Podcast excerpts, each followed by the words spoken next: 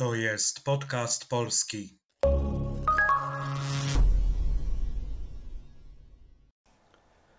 Cześć, ja nazywam się Przemek, a to jest kolejny odcinek podcastu polskiego. To jest podcast dla osób, które uczą się języka polskiego i chcą popracować nad rozumieniem ze słuchu i nad wzbogaceniem słownictwa. Dla osób, które chcą mieć kontakt z żywym językiem. To jest podcast polski.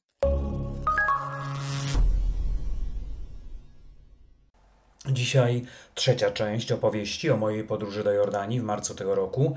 Zachęcam do posłuchania i poczytania części pierwszej i drugiej, które znajdziecie na stronie. Z Wadi Ram y, ruszyliśmy następnego dnia do Wadi Musa, małego miasteczka, które jest miejscem wypadowym do Petry, największej atrakcji Jordanii. Hotel, który zarezerwowaliśmy, okazał się miejscem niemal luksusowym. Jego menedżer Ahmad przywitał nas tradycyjną beduińską kawą i baklawą. Zaproponował też, że przygotuje pakiety z drugim śniadaniem, gdybyśmy poczuli głód podczas zwiedzania Petry.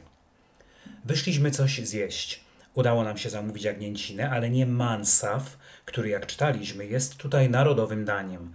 Polowaliśmy na to danie już w Akabie, ale nigdzie, to znaczy nigdzie, gdzie jedliśmy, go nie mieli. Mansaf to tradycyjna arabska potrawa z jagnięciny, gotowana w sosie na bazie jogurtu lub śmietany z przyprawami, podawana z ryżem lub kaszą bulgur. Powinno się ją jeść rękami, używając chleba.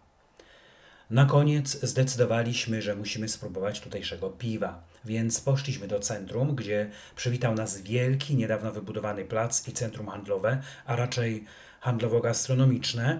Wypiliśmy tam najdroższe bodaj piwo w życiu. Nie byłoby najmniej drogie z uwagi na unikalny smak. Petra to miejsce niemal mityczne. Jest obecna zawsze, gdy wspomni się o Jordanii.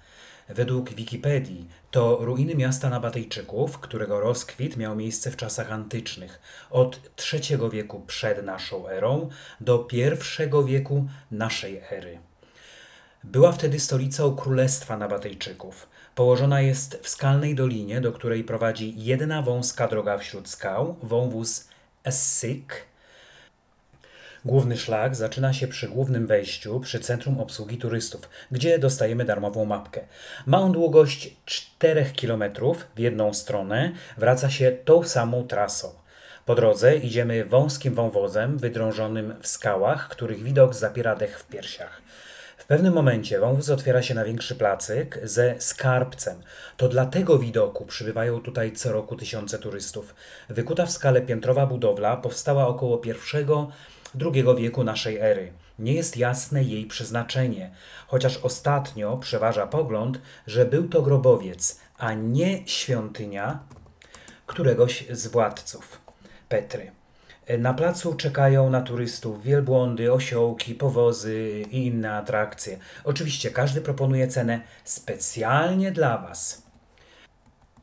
To nie koniec zwiedzania Petry. Dalej idziemy ulicą Fasad, mijamy 44 grobowce wykute w skałach, skalny amfiteatr, pozostałości Wielkiej Świątyni i ulicy Kolumnowej, aż dochodzimy do pałacu córki Faraona.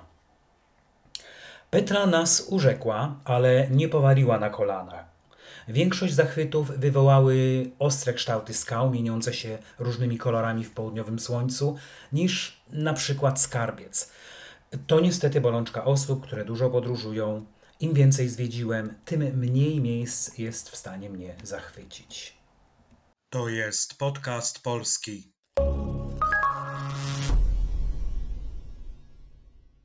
Kolejnym przystankiem naszej podróży ma być Swemeh lub Suwaima nad Morzem Martwym, oddalony od Petry jakieś 200 kilometrów. Jedziemy tam w jednym celu wykąpać się w jednym z najbardziej słonych jezior na świecie. Średnie zasolenie wynosi tutaj 26%. Droga wiedzie serpentynami wśród gór, e, których widok sprawia, że co chwilę zatrzymujemy się, żeby robić zdjęcia. Jest w tych krajobrazach coś e, zniewalającego, co nie pozwala oderwać od nich oczu, co napawa zachwytem nad pięknem, potęgą i surowością gór, a z drugiej strony uspokaja. Gdy dojeżdżamy do Swemech, potrzebujemy dobrej chwili, żeby ochłonąć. Hotel, w którym nocujemy, jest dość drogi, ale powiedziałbym luksusowy. Ma swoją plażę, do której można dojść pieszo, zajmuje to około 5 minut, albo dojechać hotelowym busikiem. Jest też kilka basenów, w tym jeden z podgrzewaną wodą. Następnego dnia przed południem robimy sobie więc spacer na plażę. Kąpiel w tak bardzo słonej wodzie to dość dziwne uczucie. Przede wszystkim rzeczywiście unoszę się na jej powierzchni. Poza tym czuję jakby warstwę, nie wiem jak to nazwać, balsamu, żelu na skórze.